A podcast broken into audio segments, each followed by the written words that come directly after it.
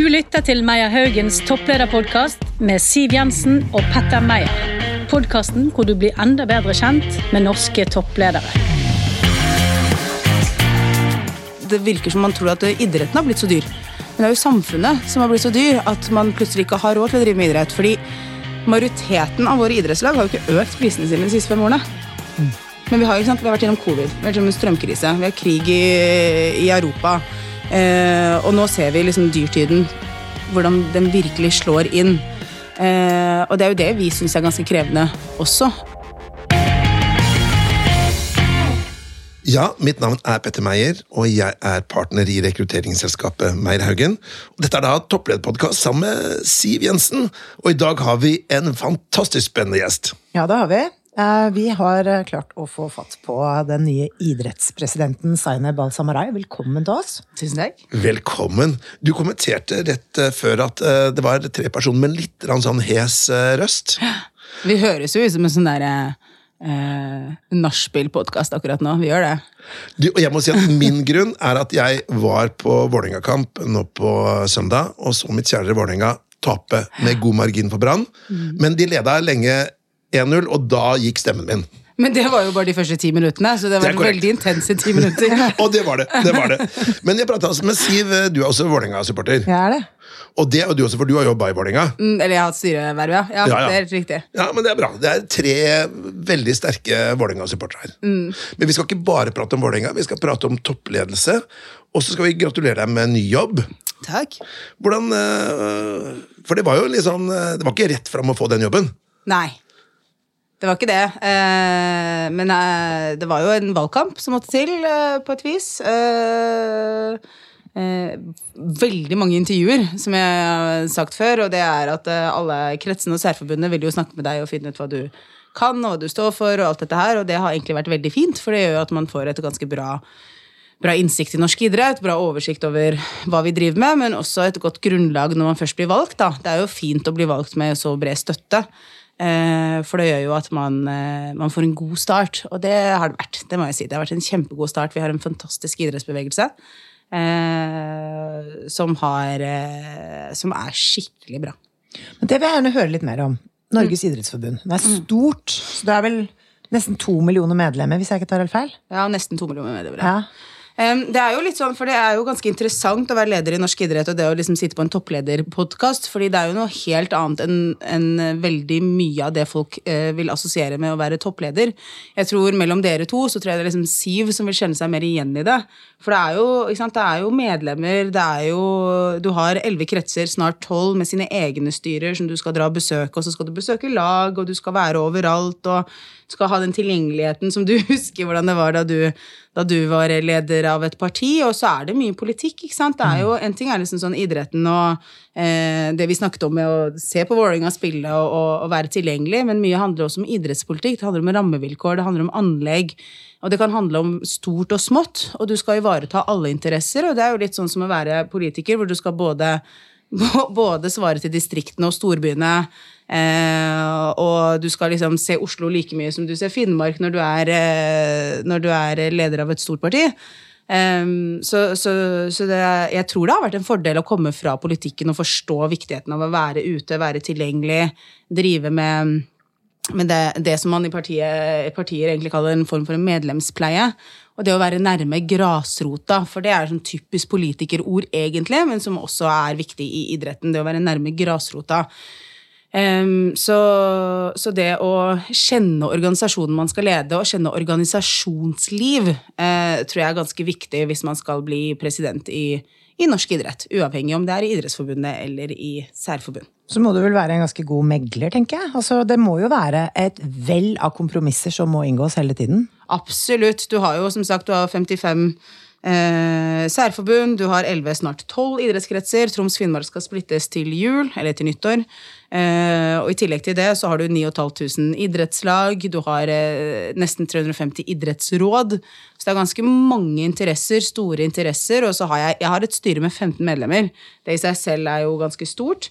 Eh, så, så det, er mye, det, er mye, kompromisser og, som må, må, gjøres, selvfølgelig, og en balanse, for det er forskjellige interesser. Og så har du jo sant, Noe av de liksom, interessene som vi kanskje hører aller mest om, er jo forskjellen på toppidrett og breddeidretten. Mm. Eh, hvor man tror at forskjellen er mye større enn det vi egentlig ser på det i, i norsk idrett. fordi for oss så henger det jo veldig mye sammen. Eh, men det er en, det er en balanse, ja. Eh. Men hvordan løser det altså rekruttering til breddeidretten? Altså, mm. Det er jo grunnlaget for at du får gode ja, Potensielt, da, i hvert fall toppidrettsutøvere mm. på sikt. Så i en tid da dyrtid, og veldig mange familier har dårlig råd, da kan det jo hende at de må knipe igjen på altså, legger, altså, For det er blitt dyrt mm. å holde på med idrett i Norge?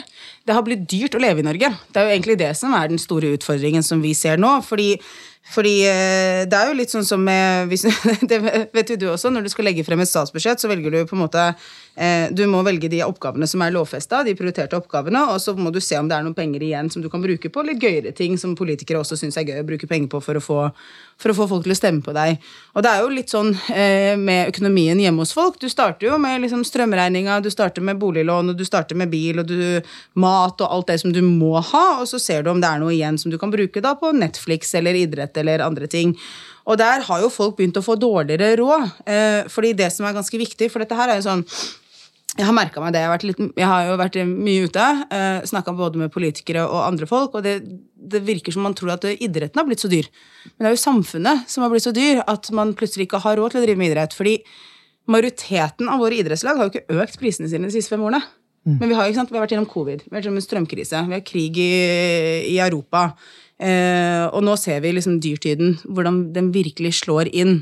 Eh, og det er jo det vi syns er ganske krevende også. er at eh, En ting er at vi mister eh, medlemmer for det blir for dyrt, men vi har også den der balansen hos oss. da, Vi må finne ut av skal vi øke prisene våre? For vi begynner å få dårlig råd. Vi som idrettsbevegelse har jo masse driftsutgifter vi også skal dekke, og det handler jo ikke om ansatte. Altså, majoriteten av norsk idrett er fortsatt drevet på frivillighet.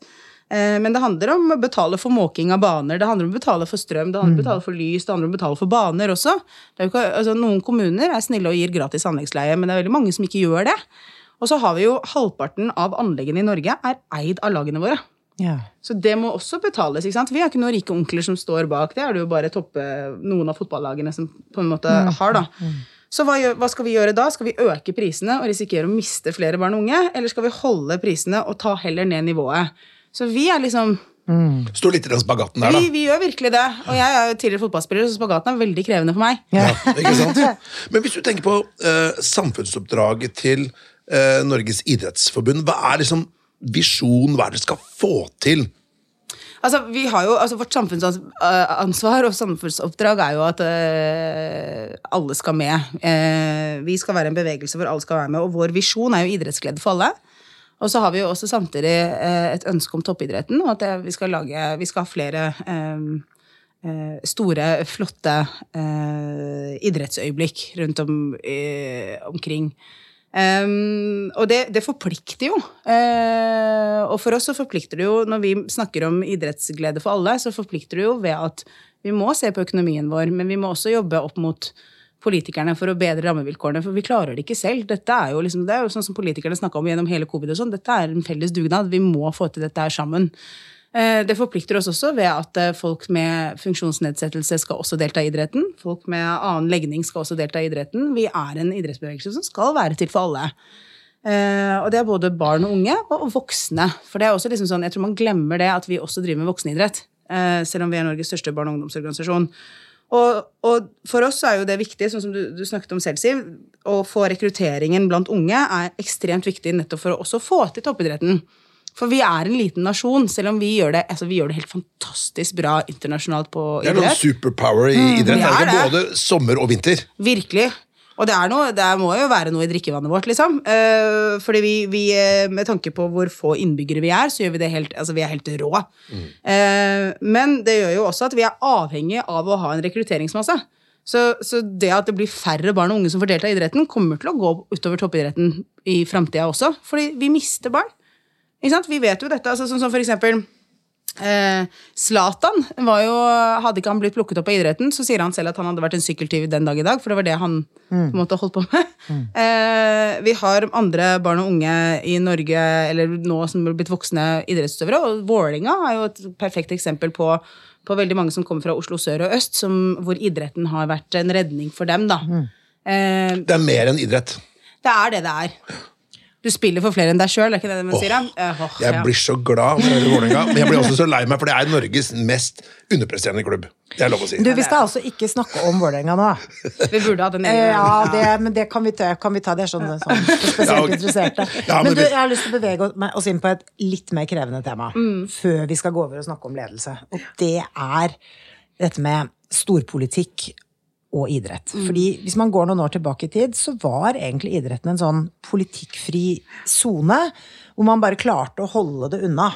Ikke sant? For at her skal man klare å forene folk med ulike politiske synspunkter og alt mulig sånn, mens nå og det er gode grunner til at det skjer. da, ikke sant? Det har vært veldig mye fokus på rasisme. Veldig bra. Og spillere og utøvere selv tar tak i det. Men så har du hatt LHBTQ-problemstillingen og, og eh, fotballpresidenten som har virkelig stått opp for det. Men så kommer den ene konflikten etter den andre, og dette må bli vanskelig for idretten å håndtere. Altså når det kommer liksom sånn, fordi dette, når det kommer til politikk, bare, så er det jo sånn at vi er jo en politisk organisasjon også, spesielt vi i Norges idrettsforbund, som da skal jo på et vis også jobbe som en lobbyorganisasjon. Men det er jo veldig mye mot våre egne politikere, og det handler mye mer om rammevilkårene våre. ikke sant? Det handler om anlegg, det handler om å få finansiering og penger og støtte og utstyr og alt dette her. Og så har du storpolitikken, som handler mye om det internasjonale som skjer rundt oss også. Eh, og der er det jo eh, en stor utfordring. Vi står jo i det med Russland og Ukraina i dag, om hva vi mener om det. Og vi i Norge, og med hele Norden, vi har stått tydelig og klart i hva vi mener om dette, med at de skal ekskluderes. Det vi merker oss, er at vi er i mindretall. Når vi er ute og representerer, så er vi i mindretall. Og ikke bare er vi i mindretall, vi er de slitsomme som åh, må dere alltid si fra. Må dere liksom sitte på deres høye hest og tro dere er liksom bedre enn alle andre? Ser dere ikke det store bildet? Så vi blir jo nesten sett på liksom som naive bedrevitere, da. Eh, Hvorfor det? Fordi, fordi de mener at vi ikke ser hvordan resten av verden fungerer. For du har jo, du har jo liksom, sånn som for eksempel Midtøsten eller Afrika, eh, som er liksom sånn Ja, hvor var dere da det var krig her, da? Dere brydde dere ikke da. Og så er det liksom hos dere og nabolandet deres, da bryr dere dere. Er ikke våre liv verdt like mye? Så vi møter jo det der også. Og så har du jo liksom de som er redd rett og slett for den olympiske bevegelsen. ikke sant? Hva betyr det hvis Russland blir ekskludert? Hva betyr det for Fordi russerne har fortsatt veldig mye makt i norsk Nei, ikke norsk idrett, men i idretten. Eh, de har veldig mye makt eh, i Asia, de har veldig mye makt i, som sagt, i Midtøsten, de har makt i, i, i Afrika og deler av Sør-Amerika også. Så Men du, hvor, hvor går liksom grensene, da? Fordi ja, nå har det vært mye fokus på Russland og Ukraina. Men nå er det jo i ferd med å bli antent et skikkelig bål i Midtøsten. Um, det er andre konflikter rundt omkring i hele verden. Du har diktaturer. Altså, det er mange kriterier som man kunne satt opp, og da ville det jo omtrent ikke vært et eneste altså, I hvert fall ikke-europeisk land igjen snart. Så hvilke kriterier er det man skal um, sette opp da, for å liksom den konflikten må vi gjøre en eksklusjon i forhold til, men ikke den. Altså, dette må jo være helt håpløst. Og det er kanskje nettopp det man også blir utfordra på, også oss i Norden, på, på vårt standpunkt, fordi man har følt at man kanskje ikke har tatt, eh, tatt de samme sidene i andre internasjonale konflikter. Samtidig så er jo internasjonal idrett og det olympiske charteret opptatt av at man eh, at idretten skal jo være et sted hvor vi samles på kryss og tvers av landegrenser og konflikter. At det egentlig er en arena hvor man skal finne hverandre og finne sammen fremfor å ha, være splitta. Så selv det olympiske charteret er jo under, under press nå med tanke på, på det som skjer. Og så vet vi jo andre ting med liksom det, rundt OL og det olympiske charteret, som da er på en måte eh, grunnloven til, til, eh, til IOC. Hvor, hvor man har jo en paragraf som sier hva utøvere kan gjøre. Fordi du har jo hatt tilfeller hvor utøvere har demonstrert eller protestert under OL. Det er jo egentlig ikke lov. Ikke sant? Vi hadde jo dette i forbindelse med eh, med de svarte hanskene som ble tatt opp i sin tid, hvor, hvor det er da, da kan du risikere å få straff. Eh, og så har vi hatt en diskusjon om dette også i Norge, fordi vi er jo Vi er jo et tolerant land. For oss skal selvsagt utøverne våre få lov til å bruke ytringsfriheten sin og mene det de vil. Og så har du på den andre siden hvor utøvere selv sier at ja, men vi vet at vi er trygge, vi vet vi kan si hva vi vil, men våre venner der ute, våre andre utøvere fra andre land, de har ikke muligheten til det, og vi ønsker jo ikke at de skal kunne brukes i propaganda for sine nasjonale olympiske komiteer. de kan tvinges, bli tvunget til å være for noe de egentlig eller Nettopp. De ikke kan er for, ikke tvinges til å drive valgkamp for diktatorer der ute på OL-arenaen og sånne ting. Så det er liksom sånn der, så det er veldig mye sånn, sånne interesser som vi som sitter i Norge Vi, vi har liksom sånn, ikke sant, vi sitter i og ser dette fra vårt perspektiv, og det skal vi jo fortsette å gjøre, for det er vårt, men liksom sånn, resten av verden ser jo ikke på dette sånn som vi gjør, og det er derfor vi blir på en måte kritisert for å sitte på vår høye hest. Og så blir vi kritisert for én ting til, for det er liksom viktig, som jeg møter også når jeg er der ute. Hvis du har så jævlig lyst til å gjøre endringer, kan ikke du arrangere OL selv, da? ja. Yeah. Kan ikke du fikse Gjør det bedre sjøl. selv. Ja, men det er litt sånn du blir møtt med. Gjør det sjøl, da. Det er jo ingen som gidder å gjøre dette. Hvis du har lyst til å eksportere dine, dine verdier og sånne ting, så får du gjøre det sjøl. Og det er, liksom sånn, det er jo et poeng. ikke sant? Hvis vi skal hele tiden fortelle hvordan vi vil ha det i Norden, og hvordan vi skal gjøre det, så må vi jo på en måte på et eller annet tidspunkt Gå fra det med et godt eksempel. Yes. Så vi blir jo utfordra på det også. Og det er også en sånn greie som de liksom sånn Å ja, du skal, du skal ikke være med og betale for dette her, men du skal være med og fortelle oss hvordan vi skal gjøre ting. Um, så det er jo en sånn ja. Det er interessant. Det Dette kunne vi i hvert fall prata om hele dagen. Det kunne vi, men det vi nå sant, kan bare konstatere, at uh, Zainab er jo virkelig midt inne i liksom eh, storpolitikkens uh, Her, selv om det er idrett hun egentlig forvalter. Da. Så da er vel tiden inne for å gå litt over på toppledelse. Ja, men du, jeg synes du er veldig god på overgang i dag, Siv. Så toppledelse, dette er jo en topplederpodkast. Uh, og uh, når tid skjønte du at jøss, jeg kommer til å bli toppleder? Var det en sånn barnedrøm du hadde, eller var det noe du skjønte jøss, nå er jeg plutselig sjef i Norges idrettsforbund? Altså, jeg tror det var liksom Når du begynner å bli invitert på topplederpodkaster, så tenker du jøss, er det det de tenker at dette er? Eh, for det, det er jo det, men jeg tror når du er i idretten og har alltid vært i idretten, og det er liksom det du puster og ånder, så ser du mer på deg selv som en, en som får lov til å være kaptein. Så jeg har jo et lånt verv og, og et tillit som jeg har fått, som jeg skal jobbe med. Så jeg liksom sånn Jeg tror ikke jeg har liksom tenkt at eh, jeg og eh, Kirstin Bråten har på en måte samme sånn tittel og jobb og, og de tingene der. For hun er jo toppleder og styrer liksom en, en helt annen type bevegelse. Jeg tror, og det er litt av det vi snakket om i stad. Det er en sånn kombinasjon av at du skal være den topplederen, men du skal også være den ehm, Sånn som du var, Siv. Da du var partileder, så du på deg selv som den topplederen. Tenkte du på det med en gang du ble valgt? Jeg tror ikke jeg, tror ikke jeg har gjort det ennå, hvis du skjønner. Nei, jo, men man skjønner jo Du sitter jo med ledelsesansvar og personalkonflikter og alt mulig rart. Så, det gjør man jo enten man leder en organisasjon eller en bedrift. Selv om det er klart du forvalter jo ikke en bunnlinje på samme måte som en stor bedrift gjør, men, men det er jo veldig mye av det samme. Når mennesker samles eh, på en eller annen måte, så må noen være ja, kaptein, som du kaller deg, da, men det å være kaptein kan av og til være ganske vanskelig. Og det er det. Og det er liksom sånn Men jeg tror jo sånn som øh, Altså Åssen skal man si dette? Eh, når du blir valgt som president i Norges idrettsforbund, så får du en tillit til å forvalte Som sagt, min bunnlinje er jo mine frivillige, mine lag, eh, utøverne som er med. Det er en sånn helt annen følelse, og jeg føler at det er et litt annet ansvar eh, enn, hvis, enn da jeg var eh, og jobba som partner og medeier i et kommunikasjonsselskap. Det var på en måte litt annerledes, for da, da jagde du penger og timer og kunder eh, på en litt annen måte.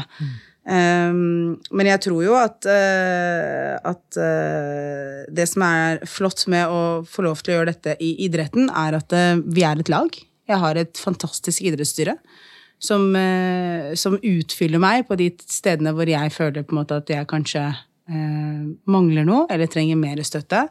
Eh, og hvor vi i fellesskap får lov til å egentlig lede norsk idrett og spille hverandre gode. Men tør du å være ærlig på det? Sårbarhetene dine, eller dine kompetansehull? Ja. Eh, absolutt. Eh, jeg tror det er bedre enn å kamuflere dem og late som de ikke eksisterer. Fordi hvis jeg snubler da, så, så blir det jo på en måte verre for meg.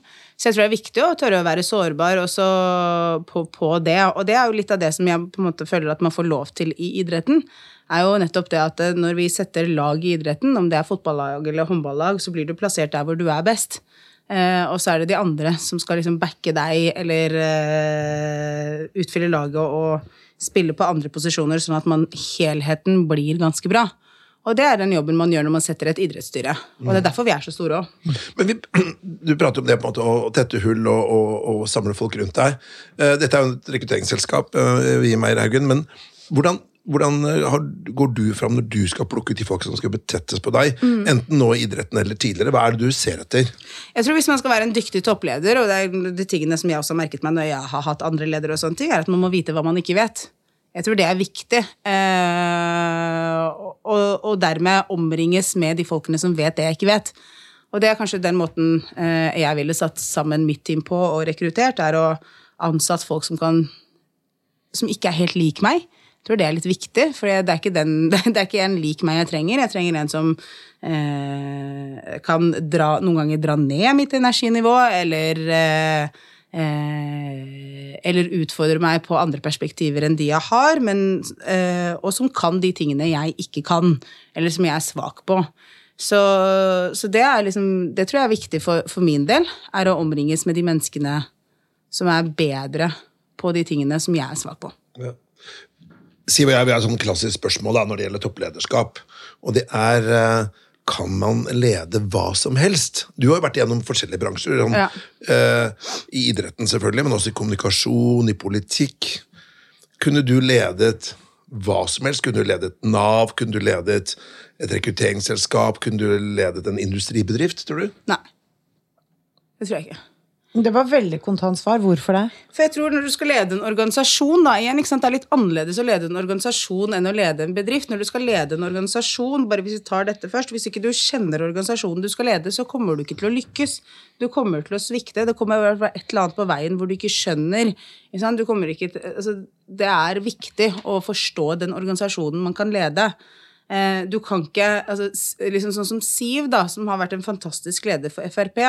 Selv om hun, selv om hun har en annen ideologi, eh, og det kan være utfordringen, så tror jeg heller ikke nødvendigvis at hun hadde gått, kunne gått rett inn i Arbeiderpartiet og lede Arbeiderpartiet. Oh, jo da. og det handler ikke om ideologi, det handler om kultur, ja. det handler om forståelse. ikke sant? Alt har liksom forskjellige ting. Og det er det jo også i forskjellige øh, bransjer. At man må på en måte forstå kulturen og forståelsen. Og jeg har jo, ikke sant, du, du vi ser jo i mange bransjer hvor folk blir henta på siden og skal komme inn og redde dem, og så har de ikke De var gode i den bransjen, men det er ikke sikkert de forstår kulturen eller dynamikken eller i dette her. Så nei, jeg tror ikke man kan gjøre det. Jeg tror man har et godt utgangspunkt til å kunne lykkes, men det er ikke naturlig. Det, det, handler ikke om at man har vært leder et sted. Nei. Eh, tror jeg ikke. Hvis vi da ser på dette med personlighet mm. um, Vi har gjort en liten studie da, av hva forskning mener er de personlighetstrekkene som kjennetegner toppledere. Og skal vi gå litt igjennom det nå, mm. og så kan du liksom ved første gjennomgang skal du si eh, ja eller nei, og så skal vi utdype etterpå. Mm. Og så skal Siv som vanlig analysere deg etterpå og, og, trekke noen konklusjoner. Er du klar? Mm. Eh, vi begynner med den, den, viktigste faktoren, som man ser på en måte den bør man ha som toppleder. da. Men ikke føl noe stress på det. Eh, er du stresstolerant? Ja. Har du høyt energinivå? Ja. Har du selvtillit? Litt for mye. Tror du at du har stor påvirkningskraft på andre rundt deg? Jeg håper det. Resultatfokusert? Ja. Eh, er du overbevisende? Eh, ja. Hensynsfull? Ja. Besluttsom? Ja. Optimistisk? Nei. Ah, spennende, Siv! Ja, men så det første inntrykket her er jo en uh Eh, leder som er veldig trygg på seg selv, som kjenner seg selv veldig godt. Svarene kom jo på løpende bånd her. Det mest interessante var jo det siste svaret, hvor, hvor nei-et var liksom så veldig tydelig. Så kontant! Ja. Er, er, du, er, du, virkelig ikke optimistisk? Nei. nei. Hvorfor det? Jeg vet ikke, jeg, er liksom sånn Jeg er en grubler, da. Så jeg, eh, kan ende opp med å se alle krisene på forhånd og, eh, og selvsagt prøve å løse dem før de, de skjer, men jeg er liksom sånn Jeg tror jo alltid det verste kommer til å skje. Eh, og prøver å forberede meg best mulig på det, da. Det var eh, Jeg hørte en sånn podkast med Anne Holt. da og det, Hun er jo framstående, hun går veldig bra, men hun, hun og, også litt sånn ikke så optimistisk anlagt, da, kanskje. Så hun sa at hver gang hun var ute og fløy, så rydda hun hele huset, gjorde alt klart, så begravelsesbyrået kunne komme og liksom Veldig enkelt på å hente ut alle tingene hennes. For hun, hvert fly, flytur var liksom en potensiell eh, dødsfelle, liksom. Og, og eh, Er det så drøyt, eller hva tenker du? Jeg hadde jo aldri giddet å ridde hvis jeg skulle dødd. Da kunne jo andre gjøre det.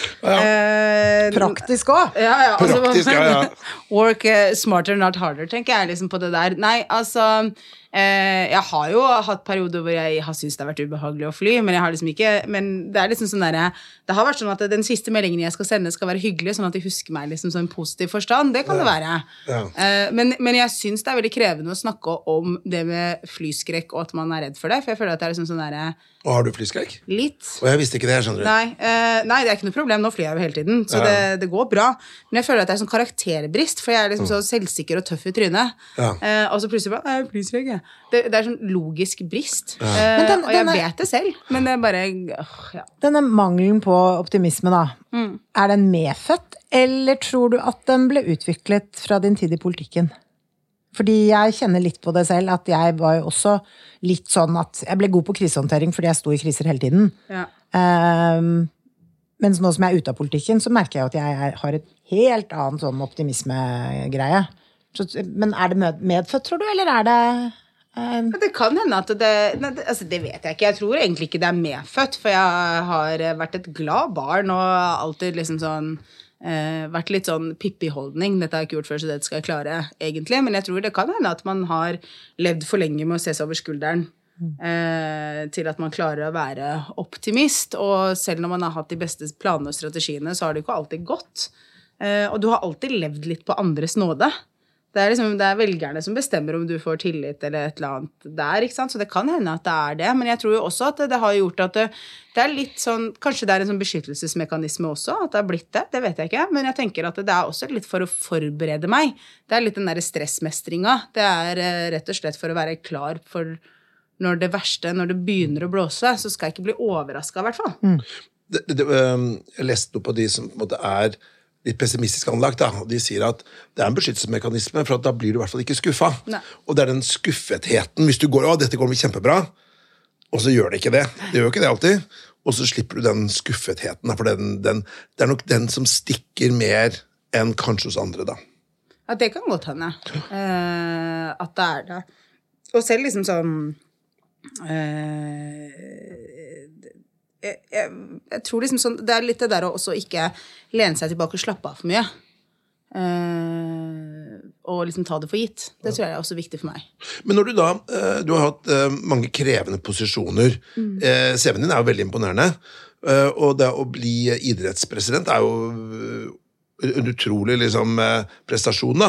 Så, um, og nå skal vi ikke bare bare dette med, med at man kanskje ikke er så optimistisk, men, men, men det, det gjør kanskje det å ta på seg disse vervene kanskje enda mer imponerende, da. For hvis man tenker åh, det er ikke sikkert dette kommer til å gå så veldig bra, uh, og så allikevel stikke hodet inn i løvens hule, da tenker jeg, da er du bygd av noe litt annet. Da. For hvis man er en sånn happy-go-lucky-person og går inn i ja, dette kommer det sikkert gå kjempebra, eh, så Nei, altså jeg er jo på vakt eh, hver dag på, når det kommer til den jobben jeg har sagt ja til, eller det tillitsvervet.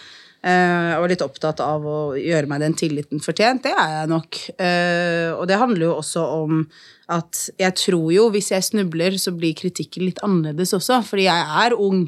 Ikke sant? Jeg er, eh, jeg er kvinne, jeg har minoritetsbakgrunn, jeg har liksom ting ved meg som gjør at man kan bli møtt med en helt annen form for kritikk, da. Eh, hva, hva tenker du på da?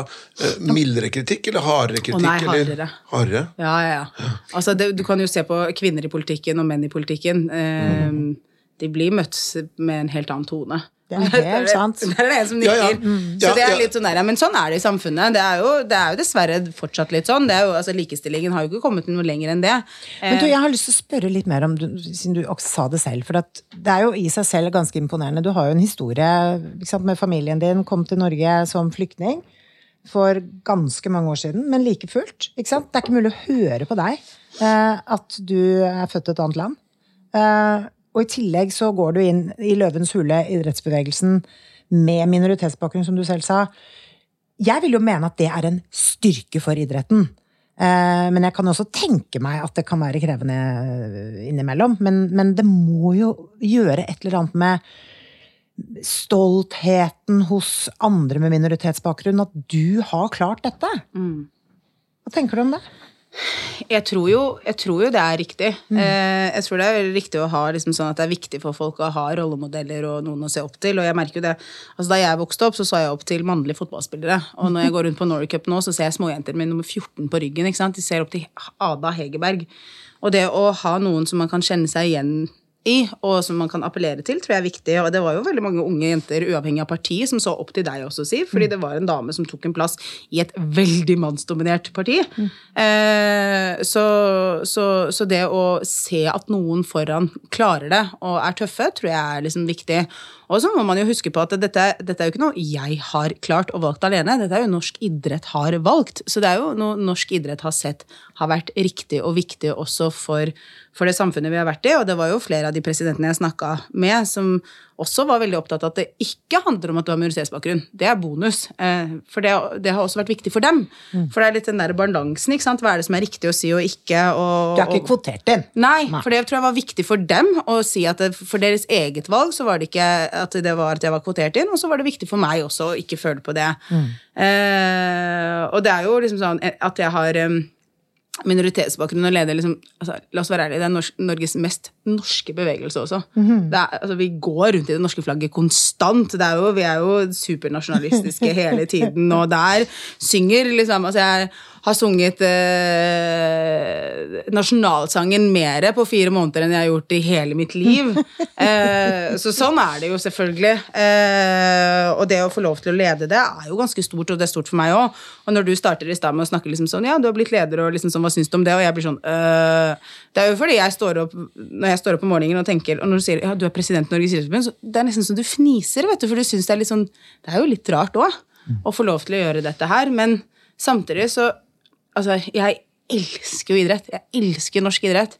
Og jeg elsker den norske idrettsmodellen med at du eh, du, du kan være eh, flyktning eh, og vokst opp på Holmlia og få lov til å bli toppidrettsutøver eller idrettspresident. At det er liksom sånn Det er mulighetens organisasjon, da. Og det er bare så kult. Jeg syns uh, dette er kanskje en fin avslutning, uh, Siv. Ja, det var nydelig, faktisk. Så uh, Det er noe av det som er mest givende med denne topplederpodkasten. At vi møter jo veldig mye spennende folk. Og jeg må si at jeg blir så glad at vi har så mye bra folk som sitter i ledende posisjoner i Norge. Så eh, jeg må bare si lykke til videre med den viktige jobben du gjør. Og vi heier på deg sju dager i uka. Det er lov å si. Siv. Det er lov å si, og det mener vi òg. Lykke til videre.